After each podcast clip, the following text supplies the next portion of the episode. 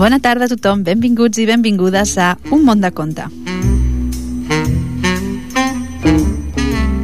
Benvinguts a aquest programa que, com sabeu, doncs fem tots els dimecres de 6 a 7 de la tarda aquí, al 91.3 de la FM, a l'emissora municipal. A més a més, aquest i molts d'altres, aquest programa i molts altres programes els podeu escoltar també per internet, entrant a la web de la ràdio, a www.ripolletradio.cat i el podeu tornar a escoltar si no teniu accés a internet i no podeu escoltar-nos els dimecres, els diumenges de 4 a 5 de la tarda. Com us deia, benvinguts i benvingudes al programa. I, a més a més, aquest benvinguts i benvingudes també amb aquesta tarda super primaveral. Doncs això ens indica que anem cap a l'estiu. Cap a l'estiu i és un temps en què tindrem més temps i més estones per llegir contes i per llegir històries com les que us portem aquí els dimecres. Ja sabeu doncs, que de tant en tant jo us recomano llibres, us recomano històries i avui eh, us porto contes escrits per una senyora, i dic senyora perquè se la pot considerar una de les grans senyores de la darrera meitat del segle XX, que no és una altra que la Maria Aurelia Capmany, i després us porto un conte d'un llibre que es diu Contes d'ahir i de sempre, que està escrit pel Carles Cano i que té il·lustracions del Paco Jiménez. Després us explicaré una miqueta doncs, qui són aquests autors i aquest il·lustrador, però ara us avanço els títols d'aquestes històries. Les dues històries de la Maria Aurelia, Aurelia són una de tantes coses que li agraden a la Nica i les faldilles de l'Eulàlia. I el conte del Carles Cano amb la il·lustració, les il·lustracions del Paco Jiménez és El gegant taca tot. I avui tenim amb nosaltres a la banda El sueño de Morfeo. Que nunca volverá, que nunca ha estado allí, que todas las promesas que hizo no eran de verdad. El sueño de Morfeo, que és uh, una banda que es va fer molt famosa a partir de la seva aparició a la sèrie Los Serrano i que va començar doncs, en aquest món de la música cap a l'any 2002. Doncs bé, avui escoltarem eh, música d'aquesta banda que segur que ens acompanyarà i ens farà passar també una bona estona. Doncs bé, abans us comentava que eh, us explicaria qui són aquests autors que portem avui. Doncs bé, la Mare Aurelia Capmany, com ens he dit abans, és una de les importants, una de les dones eh, amb més eh, trajectòria i potser una de les més conegudes en el món de la literatura. Ella va néixer a Barcelona i ho va fer a l'any 1918 i ella deia de si mateixa doncs, que ella era escriptora, tot i que es va dedicar a moltes altres coses. Ella era filla de Maria Farnés, que era una mestra, i, i d'Aureli Capmany, que va ser un reconegut divulgador de les tradicions i els costums populars catalans. La Maria Aurelia doncs, va estudiar el batxillerat a l'Institut Escola, que és un centre d'ensenyament de mètodes pedagògics moderns que va crear la Generalitat de Catalunya durant la República. I l'any 1942 es va llicenciar en Filosofia i durant de, més de 20 anys es va dedicar al món de l'ensenyament. Uh, a banda d'això, doncs, ella va començar el, la, seva, bueno, la seva vida com a escriptora, la seva trajectòria com a escriptora i va escriure doncs, llibres com Necessitem morir, La pluja als vidres, El gust de la pols, Quim Quima, bé, moltes altres eh, novel·les i altres llibres doncs, que si teniu l'oportunitat estaria bé fer-los un cop d'ull. Però el que també és curiós de la Maria Aurelia és de que, que des de l'any 1983 fins al 87 va fer-se càrrec de la Regidoria de Cultura de l'Ajuntament de Barcelona i del 87 al 91 de, la Regidoria d'Edicions i Publicacions. Per tant, també va tenir una vessant política. A la Maria Aurelia Capmany, eh, com us he dit, li agradava escriure i de tant en tant li agradava escriure per als lectors més joves, pels nens i les nenes. I ho feia doncs, mantenint la frescor i el sentit de l'humor que caracteritzava bona part de la seva obra. Els dos contes que explicarem avui van ser publicats precisament en una revista per infants que es deia Els 13 vents. Això va ser a començaments dels anys 70. I com moltes de les històries que la Mare Aurelia escriu, doncs en aquest cas les dedica a les nenes, a la dona. Ella va ser una gran defensora de la dona. I ho fa doncs, explicant anècdotes i, i bueno, aspectes de la vida quotidiana, però aquestes anècdotes doncs, ens porten a un petit conflicte entre les protagonistes, que normalment són nenes decidides, normals i corrents, i els adults. Eh, és a dir, aquest conflicte entre els, els més petits i, i els adults. No us vull avançar més, només dir-vos que la Capmany, la Maria Aurelia, escriu aquests contes amb un llenguatge entenedor i ric a la vegada i aprofita per reflexionar amb ironia sobre els costums encarcarats que condicionen sovint les actituds de l'home i de la dona. L'altre conte que us porto avui, que és aquest del gegant Tacatot, està escrit pel Carles Cano i, i és d'un llibre que es diu Contes d'ahir i de sempre, que té il·lustracions del Paco Jiménez. El Carles i el Paco són una de les parelles més estables del panorama editorial valencià. Ho veureu per les paraules i bueno, les, el català que s'utilitza en els contes. Ells doncs, junts han vist néixer, créixer i fins i tot de vegades desaparèixer més d'una editorial. Junts han fet més de 20 llibres que doncs, els han ocupat moltíssimes hores eh, junts i bueno, la relació que hi ha entre ells és tan bona doncs, bueno, que el que fa és que surtin aquestes meravelles de llibres com el que tenim avui a les nostres mans. Ells han fet eh, molta difusió de la seva obra, que no només eh, era de contes, només, no només es, es dediquen a escriure contes, sinó també còmics, eh, han fet material escolar, cartells, tallers a escoles, i aquesta aventura d'escriure llibres, doncs ells diuen que és una ocasió feliç que els ha tornat a unir o que potser els ha unit una mica més. Doncs bé, després d'aquesta explicació de quins són els autors que portem avui, doncs jo donaria el tret de sortida a l'Un món de conte.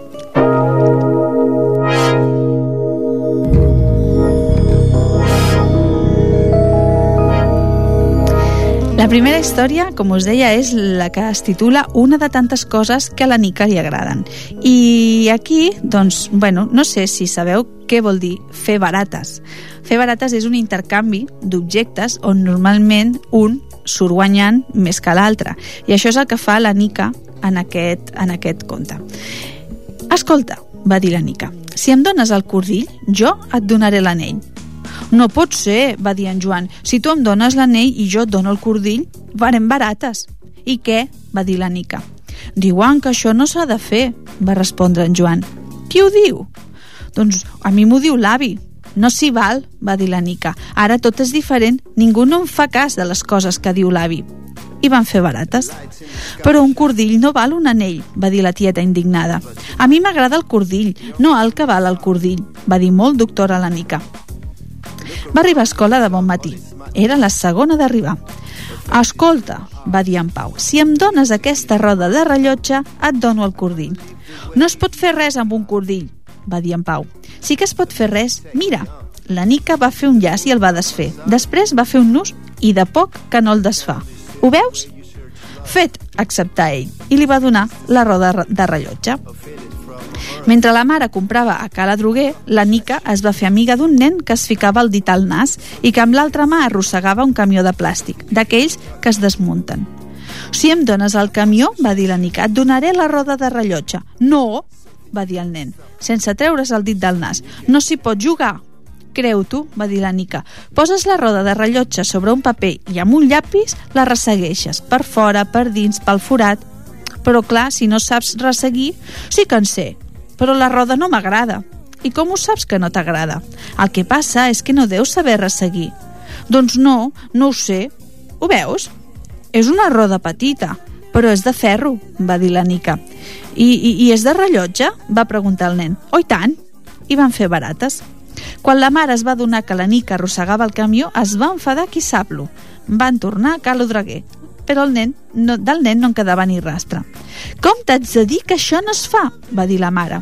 La nena, que seia al seu costat a la classe, duia els cabells molt llargs, fermats amb un passador de color d'or. Si em dones el passador, li va dir la Nica, et donaré el camió de plàstic. Mira, es desmunta. Què en faràs del passador si tens els cabells tan curts? I què? va dir ofesa la Nica. No, no, no res. Si no tens res millor, No, va dir la nena dels cabells molt llargs. Doncs així m'has de donar això, va dir la Nica tot allargant la mà.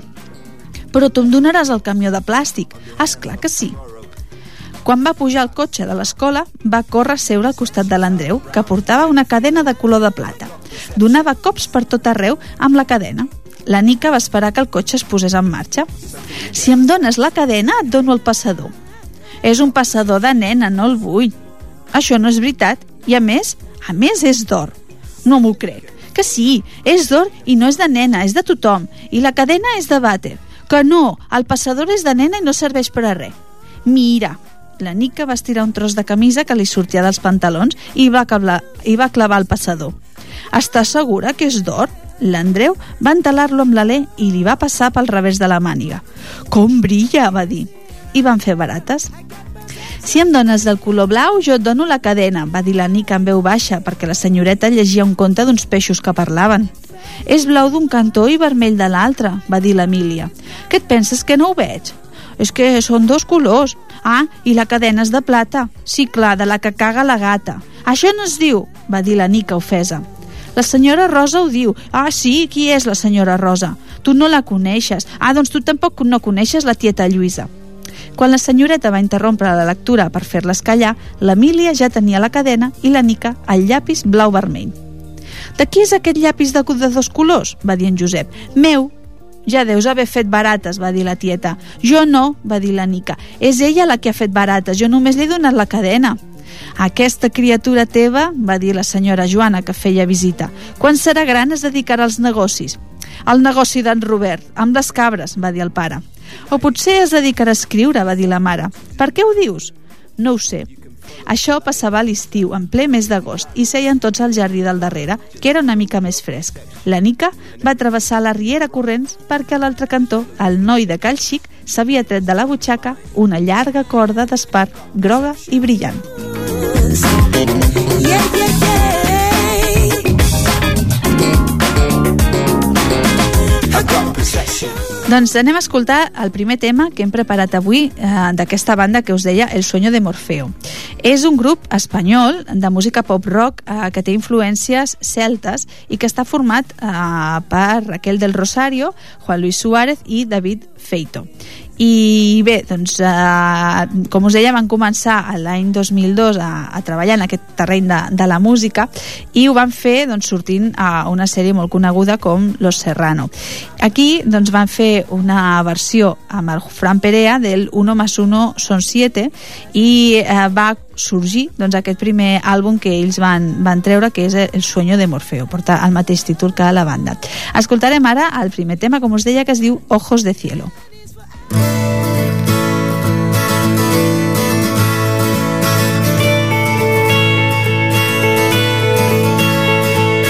Duelen los momentos, heridas sin palabras, heridas con palabras, sin apenas decir nada, apenas dices nada y nada es suficiente. Piensa que es demente hacer caso a la gente y yo,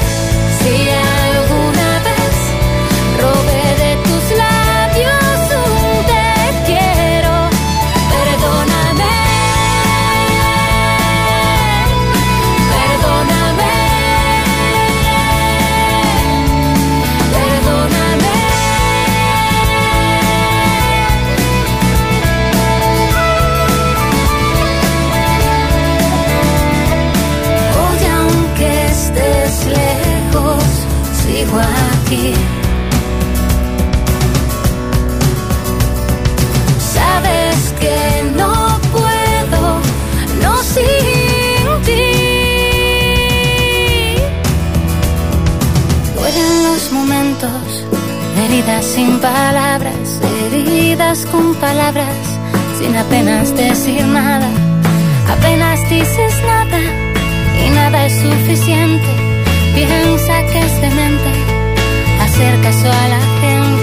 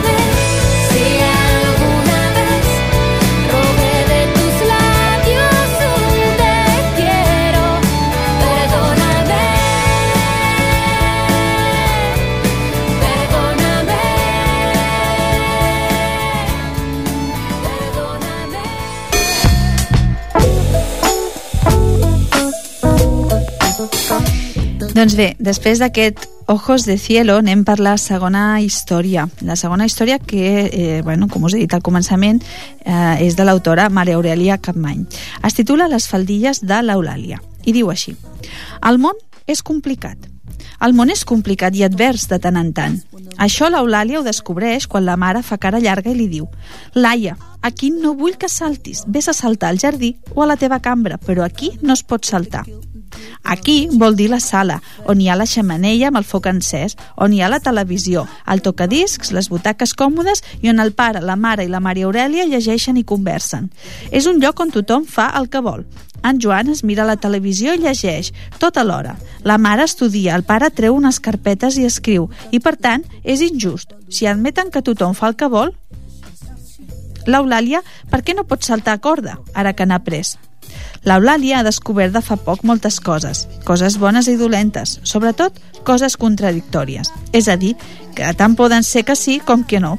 És molt desagradable descobrir que una cosa pot ser sí i no a la vegada. Una nina és una nina. Un cavall és un cavall. La mestra és la mestra. Però es diu Gemma. Això és clar i segur. És com si anessis baixant l'escala saltant de graó en graó.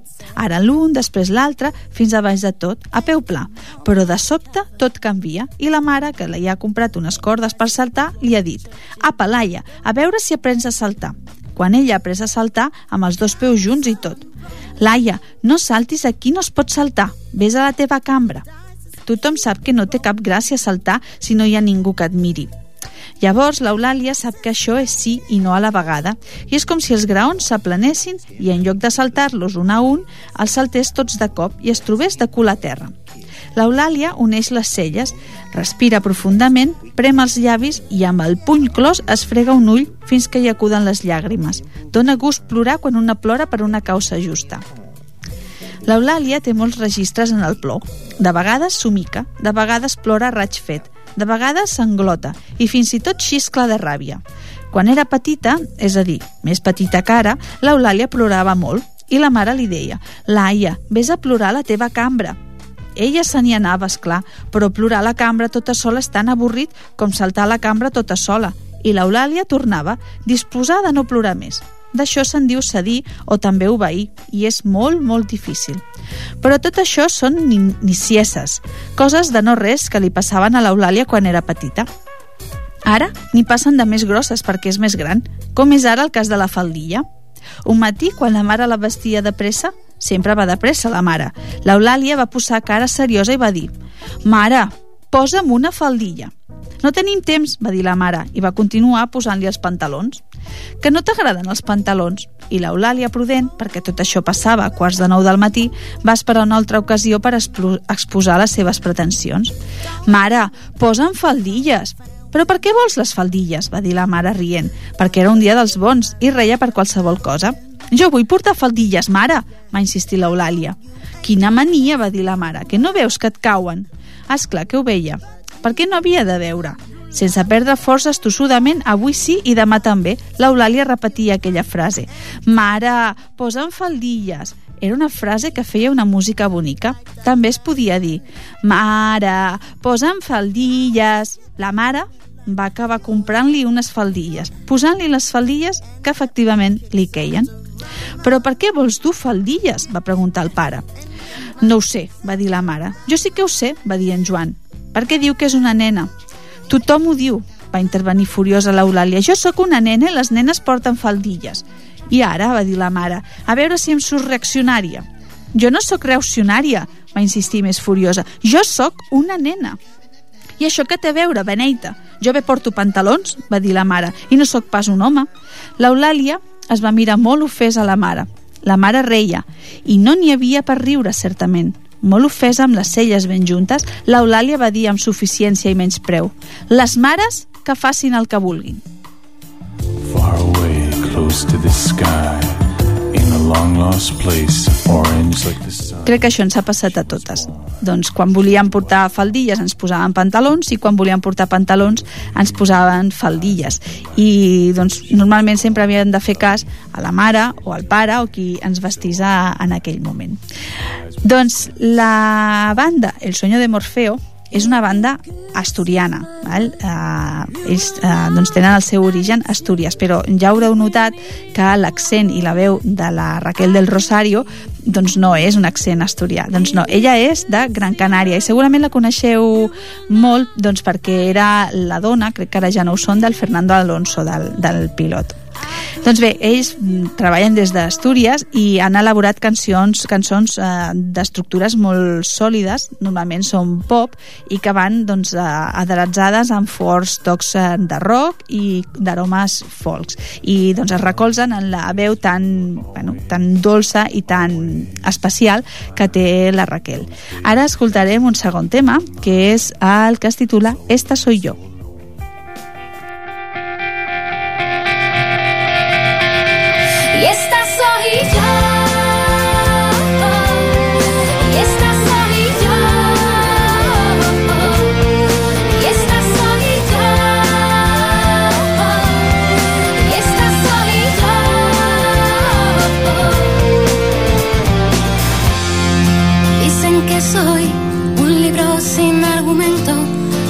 Si vengo voy, que me pierdo entre mis sueños. Dicen que soy una foto en blanco y negro, que tengo que dormir más, que me puede mi mal genio. Dicen que soy una chica normal, con pequeñas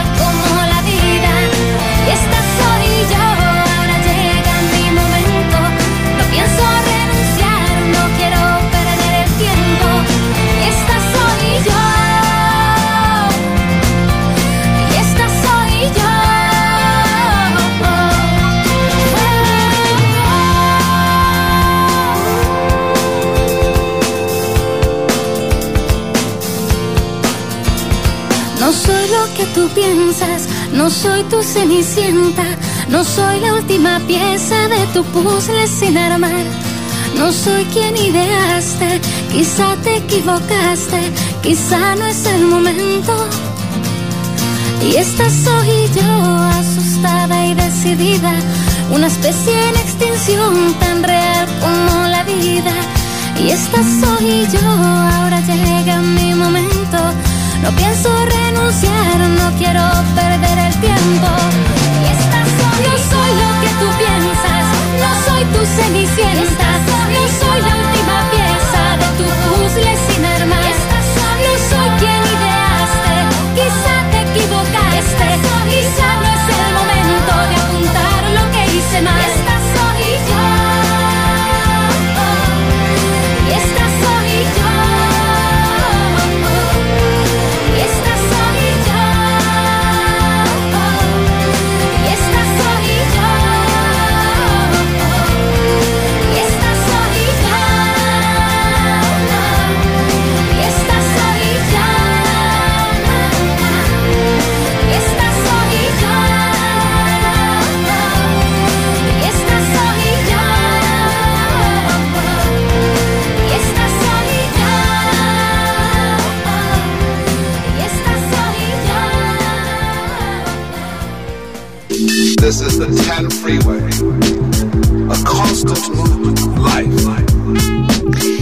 Doncs bé, anem per la tercera història, per la darrera història que teníem preparada pel programa d'avui.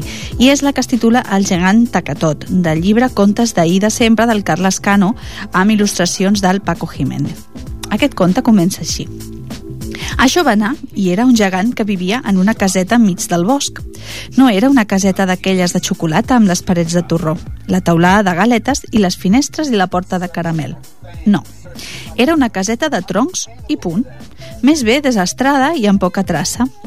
I és que el que l'havia construït, el mateix gegant, era la persona més desastrada i poca traça que us pugueu imaginar. Per acabar-ho d'adobar, sempre anava ple de taques de cap a peus, de dalt a baix i de costat a costat. És a dir, tot ell en tota la seva extensió o superfície. I la cosa pitjor és que no només ell anava ple de taques, sinó que qualsevol toca o per qualsevol cosa o persona que estiguera al seu costat acabava de la mateixa forma. En un principi, a tot el món li feia gràcia i reien divertits quan li queia la salsa de tomaca per damunt o quan escampava les copes de vi i el seu contingut pels vestits i camises dels comensals en intentar espantar una mosca. Però a poc a poc, les fades, els dunyets, les bruixes, els noms i la resta de la gent màgica del bosc que organitzaven totes les vesprades, uns berenarots de xuclar-se els dits, deixaren de convidar-lo. La gota que feu vessar el got, o en aquest cas la tassa, fou quan es va celebrar la gran festa de la xocolata, on la cosa acabà com si es tractara d'un berenar del ventús. Els animals del bosc i la gent del poble també havien deixat de passar per sa casa, ja que segons el que estiguera fent, així podies acabar tu. I no era gens estrany trobar-te pel bosc un os blau del mateix color que la porta de sa casa o una gallina tota enquitranada com la seua terrassa, o a l'alcalde amb una condecoració d'espaguetis i carn en salsa. A més, les taques eren tan enormes i persistents que moltes vegades no se n'anaven ni amb encantaments. De manera que el pobre gegant Tacatot, que era com ja el coneixia tot el món, encara que es deia Joanot, es va quedar completament i absolutament sol. I encara que tots els feia molta pena, perquè la seua generositat i bondat eren conegudes de tots, no gosaven acostar-se als seus dominis. Però clar, no podem deixar-lo al pobre i sol amb les seues taques i ja està, no? Ah, clar, ja ho tinc. Mireu, en molts contes apareix una velleta o un nan que té la clau, la solució del problema, de manera que de seguida la fem aparèixer.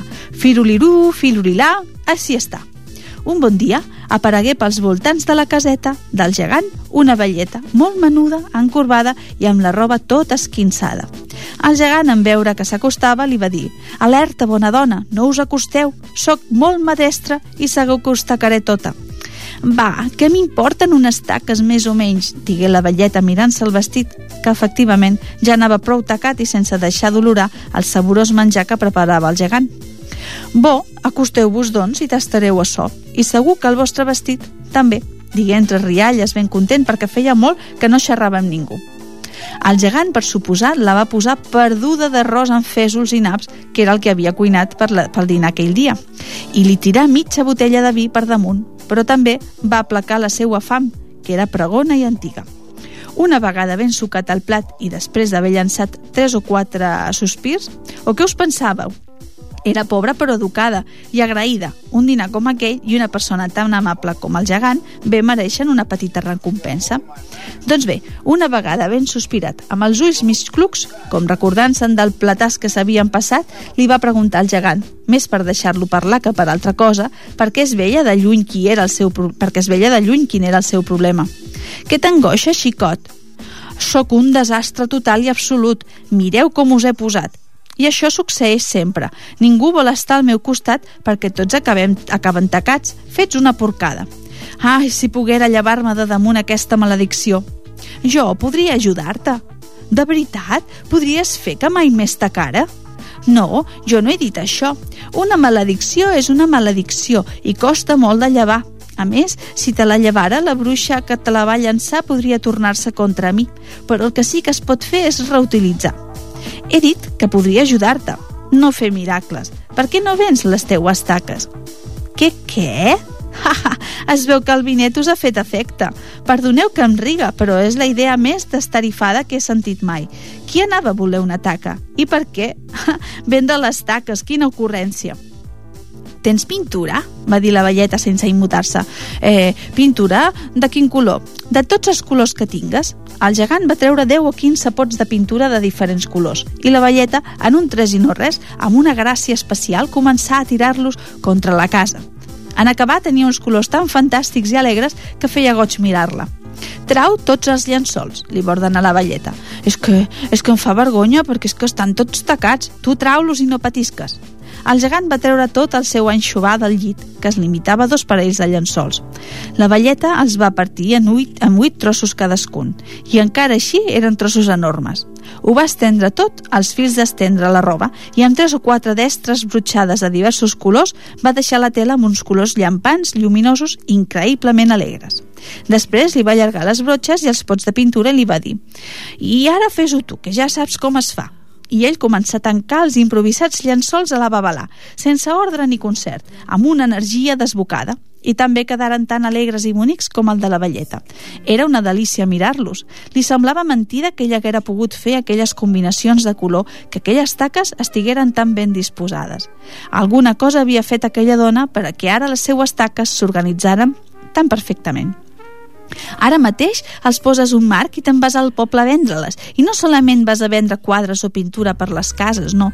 També pots vendre taques negres de tinta per a lleis injustes, taques de pastís de merenga per a gent estúpida, magnífiques taques de xocolata per a vestits que no ens agraden i ens han obligat a posar-nos, taques menudiues en forma de piga per a nits enamorades, taques de girafa per a girafes que hagin posat malla massa lleixiu en el vestit dels diumenges i moltes més.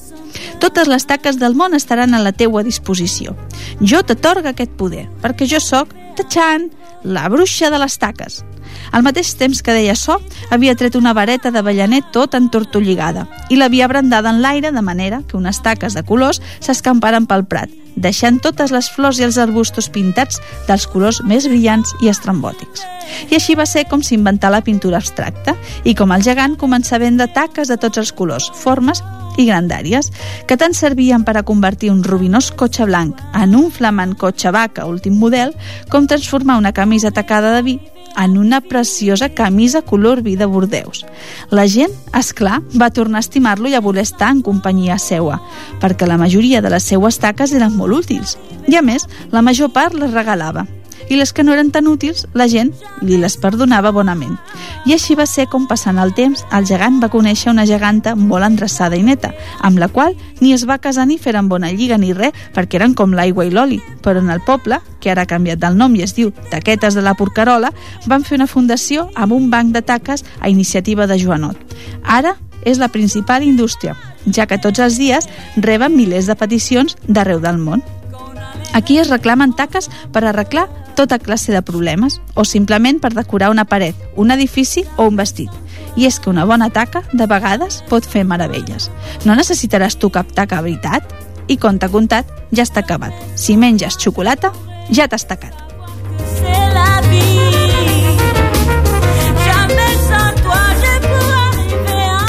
Doncs bé, el Sueño de Morfeo, que és el grup doncs, que ens acompanya avui a l'Un món de conte, doncs tenen molta força en el directe, ja que tenen molta vitalitat.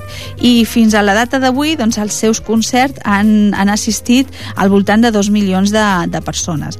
També són un dels grups amb major èxit a Espanya i part de Llatinoamèrica. I han venut un total de 400.000 còpies de tots els seus àlbums, des del 2003, que van començar, fins a l'actualitat. Ara escoltarem potser el tema més famós d'ells o pel que més se'ls reconeix, que és el Nunca Volverà.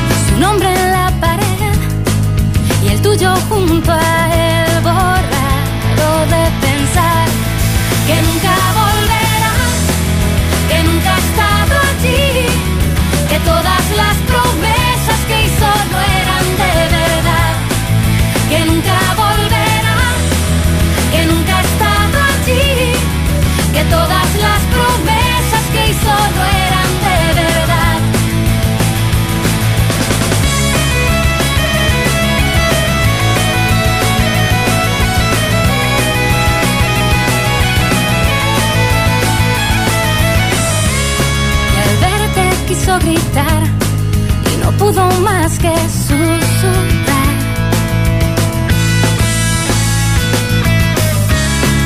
palabras sin razón, rompió su corazón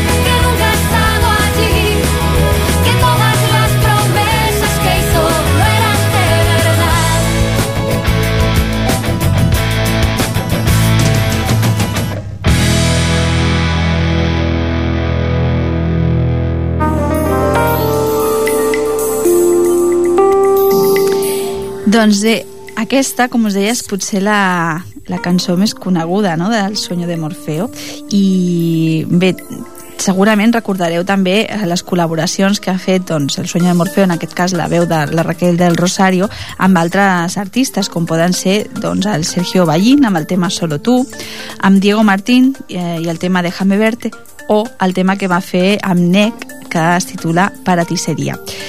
Us deixo també el seu web per si voleu buscar informació, saber coses del grup. És la web www.elsueñodemorfeo, la enya sense enya, és a dir, sigui una ena, el, su, el sueno de morfeo, .com, val? aquesta és l'adreça del grup i aquí doncs, bueno, doncs podeu trobar informació sobre els seus concerts, sobre els àlbums que treu i curiositats doncs, que segurament avui no us hem pogut explicar. Doncs amb aquesta darrera cançó doncs, eh, hem arribat al, al final del programa us deixarem amb un altre tema del senyor de Morfeo doncs, perquè doncs, eh, acabem amb un bon gust de boca.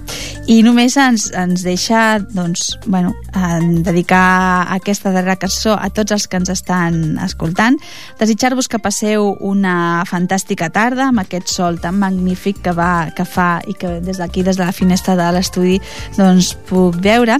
I res, dir-vos també que esperem que, que continueu escoltant l'emissora municipal el 91.3 de la FM i tota la programació que hi ha preparada per aquesta tarda. Per la meva banda, donar-li les gràcies a en Jordi Puy, que és qui m'ajuda eh, amb el control tècnic i que fa que el programa doncs, també tiri endavant i, i rutlli. I, i bé, com sempre, desitjar-vos eh, que llegiu moltes històries, que compartiu contes, que us cregueu aquestes històries i que les disfruteu i que ens escoltem ben aviat. Un petó. Us deixo amb el darrer tema del senyor Morfeo, Ocupa de tu, de tu corazón. Fins aviat.